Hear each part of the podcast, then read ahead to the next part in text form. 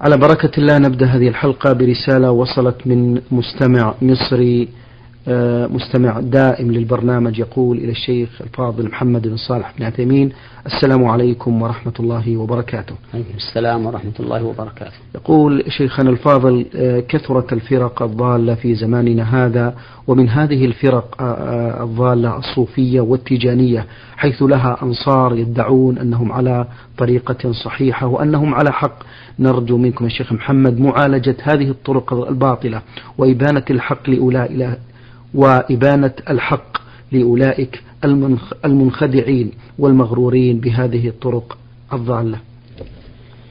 الحمد لله رب العالمين وأصلي وأسلم على نبينا محمد وعلى آله وأصحابه أجمعين. أما بعد فإن الجواب على هذا السؤال مأخوذ مما ثبت في صحيح مسلم من حديث جابر رضي الله عنه. أن النبي صلى الله عليه وسلم كان يقول في خطبته كان يقول في خطبته أما بعد أي أعني خطبة الجمعة آه، يؤخذ الجواب على هذا السؤال مما ثبت عن النبي صلى الله عليه وسلم من حديث جابر رضي الله عنه أن النبي صلى الله عليه وسلم كان يقول في خطبته أما بعد فإن خير الحديث كتاب الله وخير الهدي هدي محمد وشر الأمور محدثاتها وكل بدعة ضلالة وللنساء وكل ضلالة في النار فلننظر في هذه الطرق التي أشار إليها السائل وفي غيرها من الطرق الأخرى هل تنطبق على هدي النبي صلى الله عليه وسلم أو لا تنطبق. فإن كانت منطبقة فهي صحيحة. وهي خير الهدي. وهي الطريق الموصل إلى الله عز وجل. وهي الهدى والشفاء والصلاح والإصلاح والاستقامة. وإن كانت مخالفة لهدي النبي صلى الله عليه وسلم فهي ضلال وشقاء على أصحابها وعذاب عليهم لا يستفيدون منها إلا التعب في الدنيا والعذاب في الآخرة. وكلما كانت أشد مخالفة لهدي النبي صلى الله عليه وسلم كانت أكثر ضلالا. وقد تصل بعض هذه الطرق إلى الكفر البواح. مثل أولئك الذين يقولون إنهم وصلوا إلى حد يعلمون به الغيب أو إن أولياءهم يعلمون الغيب أو أن فلانا ينجي من الشدائد أو يجلب الخير أو ينزل الغيث أو ما أشبه ذلك من مما يدعى لهؤلاء الذين يزعمون أنهم أولياؤهم وأئمتهم. فإن الله عز وجل يقول في كتابه قل لا يعلم من في السماوات والأرض الغيب إلا الله. فمن ادعى أن أحدا يعلم الغيب فقد كذب هذه الآية العظيمة آه، الكريمة. فمن ادعى أنه يعلم الغيب أو أن أحدا من الناس يعلم الغيب فقد كذب بهذه الآية الكريمة. ويقول الله تعالى آمرا نبيه أن يعلن للملأ قل لا أقول لكم عندي خزائن الله ولا أعلم الغيب ولا أقول لكم إني ملك إن أتبع إلا ما يوحى إلي. وفي قوله تعالى إن أتبع إلا ما يوحى إلي دليل على أنه صلى الله عليه وسلم عبد مأمور يجب عليه أن يتبع ما أوحى الله إليه. وقد كان صلى الله عليه وسلم كذلك. فإنه أعظم الناس عبودية لله وأتقاهم له وأقومهم بدين الله صلوات الله وسلامه عليه. ويقول الله تعالى لنبيه محمد صلى الله عليه وسلم آمرا إياه قل إني لا أملك لكم ضرا ولا رشدا قل إني لن يجيرني من الله أحد ولن أجد من دونه ملتحدا فإذا كان هذا في حق النبي صلى الله عليه وسلم فما بالك بمن دونه من الخلق؟ بل ما بالك ممن يدعى أنهم أولياء وأنهم هداة وهم في الحقيقة أعداء وضلال وطغاة وبغاة. فنصيحتي لهؤلاء ولغيرهم ممن خرجوا ببدعهم عن هدي النبي صلى الله عليه وسلم أن يتوبوا إلى الله عز وجل وأن يرجعوا إلى كتاب الله وسنة رسوله صلى الله عليه وسلم التي هي تفسير للقرآن وبيان له وليرجعوا إلى هديه صلوات الله وسلامه عليه الذي هو تطبيق لشريعة الله تماما وإلى هدي الصحابة وعلى رأسهم الخلفاء الراشدون أبو بكر وعمر وعثمان وعلي رضي الله عنهم أما هذه الطرق وهذه البدع المخالفة لدين الله فإنها ضلال. مهما اطمأن إليها قلب الإنسان ومهما انشرح صدره بها ومهما زينت له فإن العمل السيء قد يزين للإنسان. كما قال الله تعالى أفمن زين له سوء عمله فرآه حسنا فإن الله يضل من يشاء ويهدي من يشاء فلا فلا تذهب نفسك عليهم حسرات إن الله عليم بما يصنعون. وقد ينشرح وقد ينشرح الصدر للكفر كما قال الله تعالى من كفر بالله من بعد إيمانه إلا من أكره وقلبه مطمئن بالإيمان ولكن من شرح بالكفر صدرا فعليهم غضب من الله. ولهم عذاب عظيم. فلا يقولن أصحاب هذه البدع إن قلوبنا إن صدورنا تشرح لهذه البدع وإن قلوبنا تطمئن لأن هذا ليس بمقياس ولكن المقياس كتاب الله وسنة رسوله صلى الله عليه وسلم وما كان عليه النبي عليه الصلاة والسلام وخلفاؤه الراشدون من الحق والهدى. ولهذا أمر النبي صلى الله عليه وسلم أن نتبعه ونتبع سنة الخلفاء الراشدين الخلفاء الراشدين المهديين من بعده فقال عليكم بسنتي وسنة الخلفاء الراشدين المهديين من بعدي. تمسكوا بها وعضوا عليها بالنواجذ وإياكم ومحدثات الأمور. وهم أعني أصحاب هذه البدع سواء كانت في الطرق والمنهاج أم في العقيدة.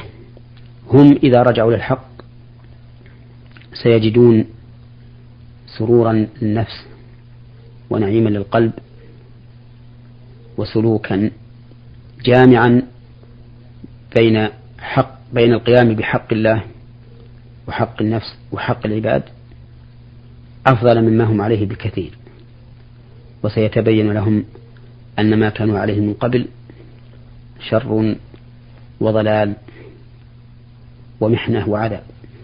نعم. بارك الله فيكم. آه، من جمهورية اليمن الديمقراطية الشعبية مستمع للبرنامج سالم علي يقول آه، ما حكم الشرع في نظركم شيخ محمد؟ إذا ذبح الذبيحة فرد تارك للصلاة هل يجوز للمصلي أن يأكل منها؟ إذا ذبح من لا يصلي ذبيحة فإنها لا تحل. أي لا يحل أكلها لأن القول الراجح من أقوال أهل العلم أن تارك الصلاة كافر كفرا مخرجا عن الملة. وإذا كان كافرا كفرا مخرجا عن الملة فإن ذبيحته لا تحل. لأن الذبيحة لا تحل إلا إذا كان الذابح مسلما أو كتابيا وهو اليهودي والنصراني. لقوله تعالى اليوم أحل لكم الطيبات وطعام الذين أوتوا الكتاب حل لكم وطعامكم حل لهم. وطعام الذين أوتوا الكتاب هو ذبائحهم كما فسره بذلك ابن عباس رضي الله عنهما. وأما المرتدون وسائر الكفار غير غير اليهود والنصارى فإن ذبيحتهم لا تحل. وقد حكى الإجماع على ذلك غير واحد من أهل العلم.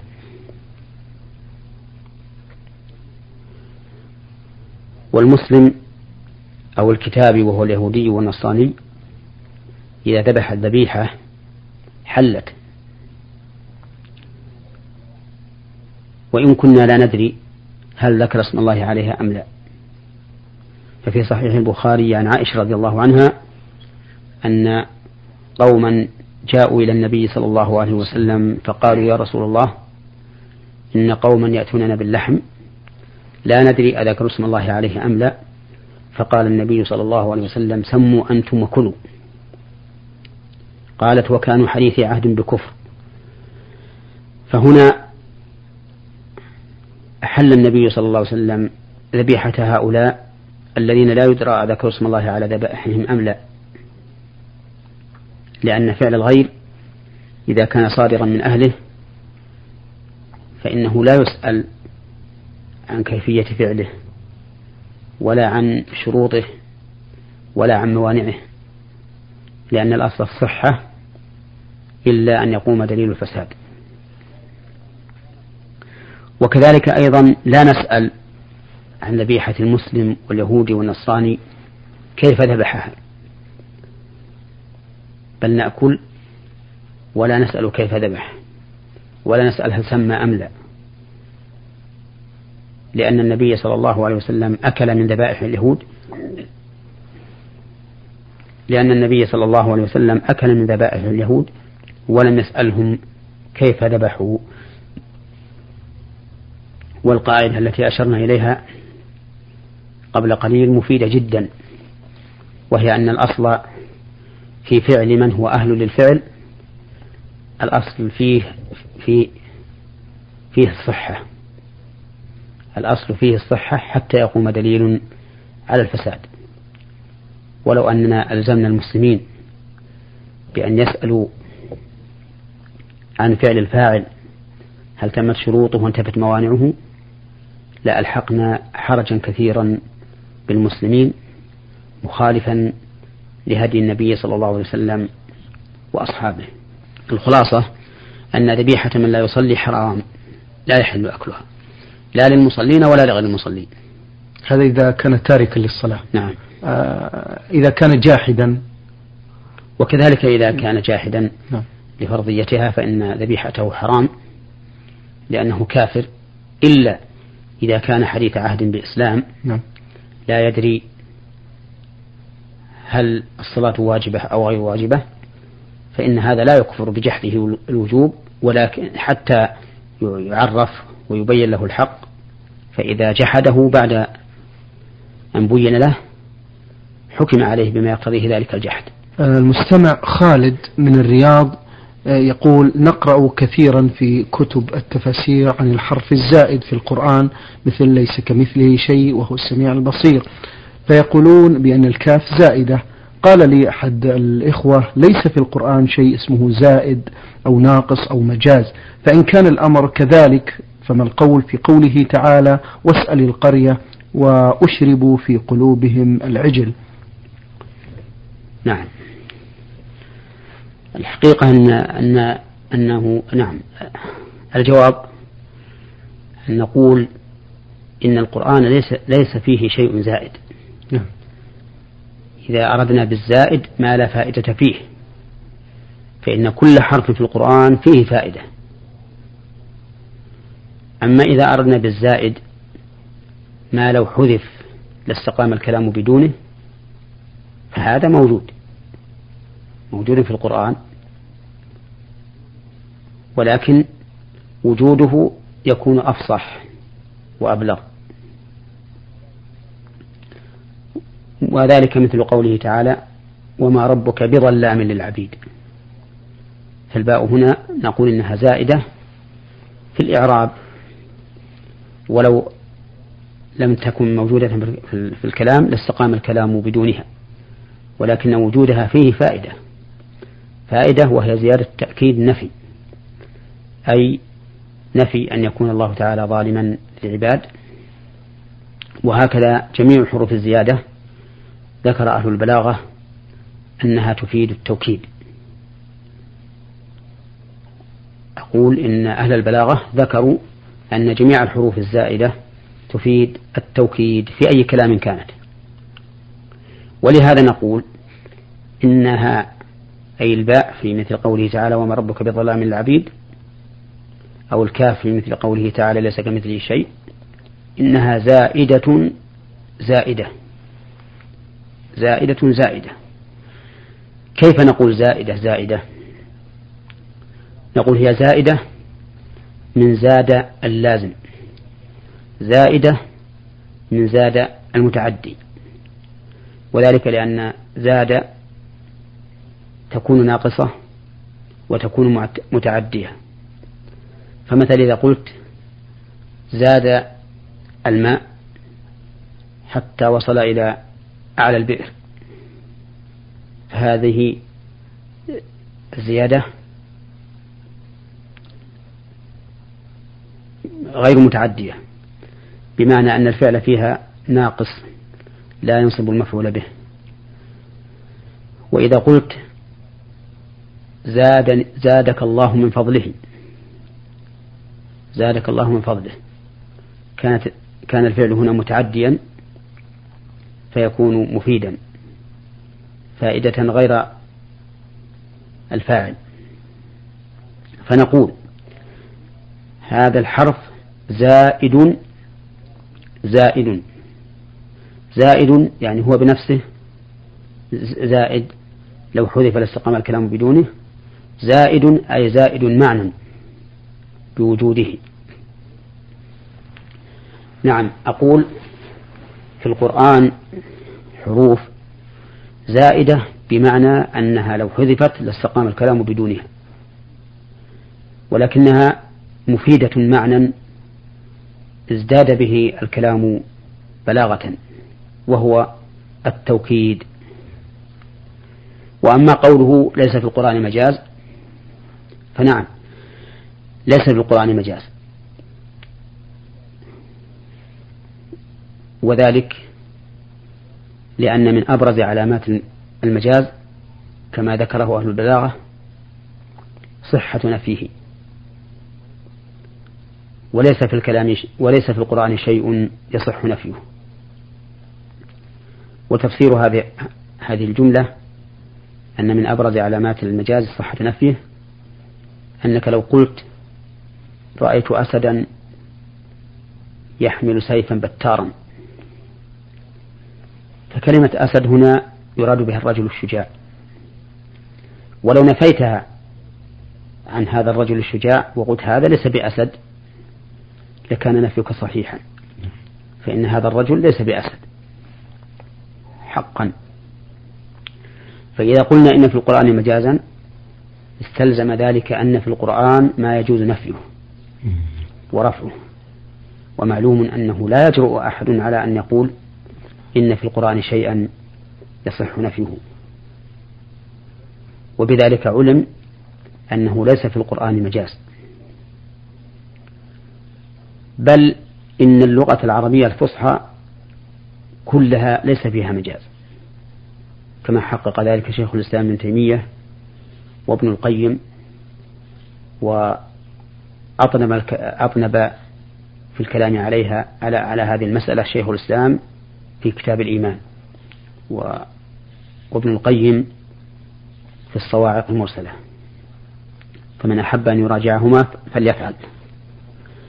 وأما قوله تعالى واسأل القرية التي كنا فيها فإننا نقول ما الذي يفهم السامع من هذا الخطاب؟ سيكون الجواب يفهم منه أن نسأل أهل القرية كلها كلهم. ولا يمكن لأي عاقل أن يفهم من هذا الخطاب أننا نسأل القرية التي هي مجتمع القوم ومساكنهم أبدا. بل بمجرد ما يقول اسأل القرية ينصب الذهن والفهم إلى أن المراد اسأل أهل القرية. ولكنه عبر بالقرية عنهم كأنهم يقولون اسأل كل من فيها. وكذلك قولهم أشربوا في قلوبهم العجل. فإنه لا يمكن لأي عاقل أن يفهم من هذا الخطاب أن العجل نفسه صار في القلب. أبدا. وإنما يفهم منه أن حب هذا العجل أشرب في القلوب حتى كأن العجل نفسه حل في قلوبهم. وهذا فيه من المبالغة ما هو ظاهر. أعني من مبالغة من مبالغة هؤلاء في حبهم للعجل. والأمر هذا والأمر ظاهر جدا. فكل ما يفهم من ظاهر الكلام فهو حقيقته. فلتفهم هذا أيها الأخ الكريم أن كل ما يفيده ظاهر الكلام فهو حقيقته. ويختلف ذلك باختلاف السياق والقرائن. فكلمة القرية مثلا استعملت في موضع نعلم أن المراد بها أهل القرية. واستعملت في موضع نعلم أن المراد بها القرية التي هي مساكن القوم. ففي قوله تعالى وكم من قرية أهلكناها وهي ظالمة؟ لا شك أن المراد بذلك أهل القرية. لأن القرية نفسها وهي المساكن لا توصف بالظلم. وفي قوله تعالى إنا مهلكو أهل هذه القرية لا شك أن المراد بالقرية هنا المساكن. ولهذا أضيفت إليها أهل أهل هذه القرية. فتأمل الآن أن القرية جاءت في السياق لا يفهم لا يفهم السامع منها إلا أن المراد بها أهل القرية. وجاءت في سياق آخر لا يفهم القارئ السامع منها إلا أنها المساكن مساكن القوم. وكل ما يتبادر من الكلام فإنه ظاهره وحقيقته. وبهذا يندفع عنا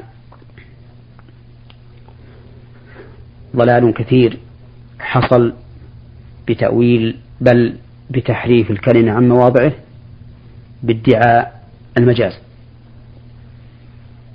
فما ذهب أهل البدع في نفيهم لصفات الله عز وجل جميعها أو أكثرها بل لنفيهم حتى الأسماء إلا بهذا إلا بهذا السلم الذي هو المجاز.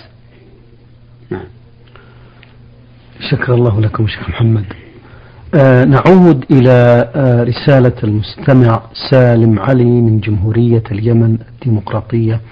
يقول إذا مرضت امرأة آه أو إذا مرضت امرأة واحتاجت إلى دم وأخذ لها من شخص أجنبي لها دم ثم عافاها الله تعالى ثم رغب ذلك الشخص في التزوج بها هل يجوز هذا؟ نرجو إفادة. نعم. يجوز للإنسان أن يتزوج بامرأة أخذ لها من دمه لأن هذا الدم ليس لبنا حتى نقول إنه يحرم و والمحرم إنما هو اللبن بشرط أن يكون قبل الفطام في الحولين. وقد ثبت عن النبي عليه الصلاة والسلام أنه قال يحرم من الرضاع ما يحرم من النسب. فيكون هذا الطفل ابنا للمرضعة وابنا لمن اللبن له كزوجها وسيدها إن كانت أمة وأخا لأولاد هذه المرأة التي أرضعته وأخا لمن نسب لبنها إليه. من زوج أو سيد وإن لم يكن أولاد هذا الزوج أو السيد من المرضعة. ولهذا لو أن امرأة أرضعت طفلا ولها أولاد من زوج سابق كان الطفل أخا لأولادها من الزوج السابق من الأم. وإذا كان لزوجها الذي نسب لبنها إليه. إذا كان له أولاد من غيرها صار هذا الطفل أخا لأولاد زوجها من أبيهم وإذا كان لها هي أولاد من زوجها الذي نسب لبنها إليه كان هذا الطفل أخا لهم من الأم والأب. نعم. آه، أخوتنا المستمعين الكرام في نهاية هذا اللقاء نشكر الشيخ محمد بن صالح بن عثيمين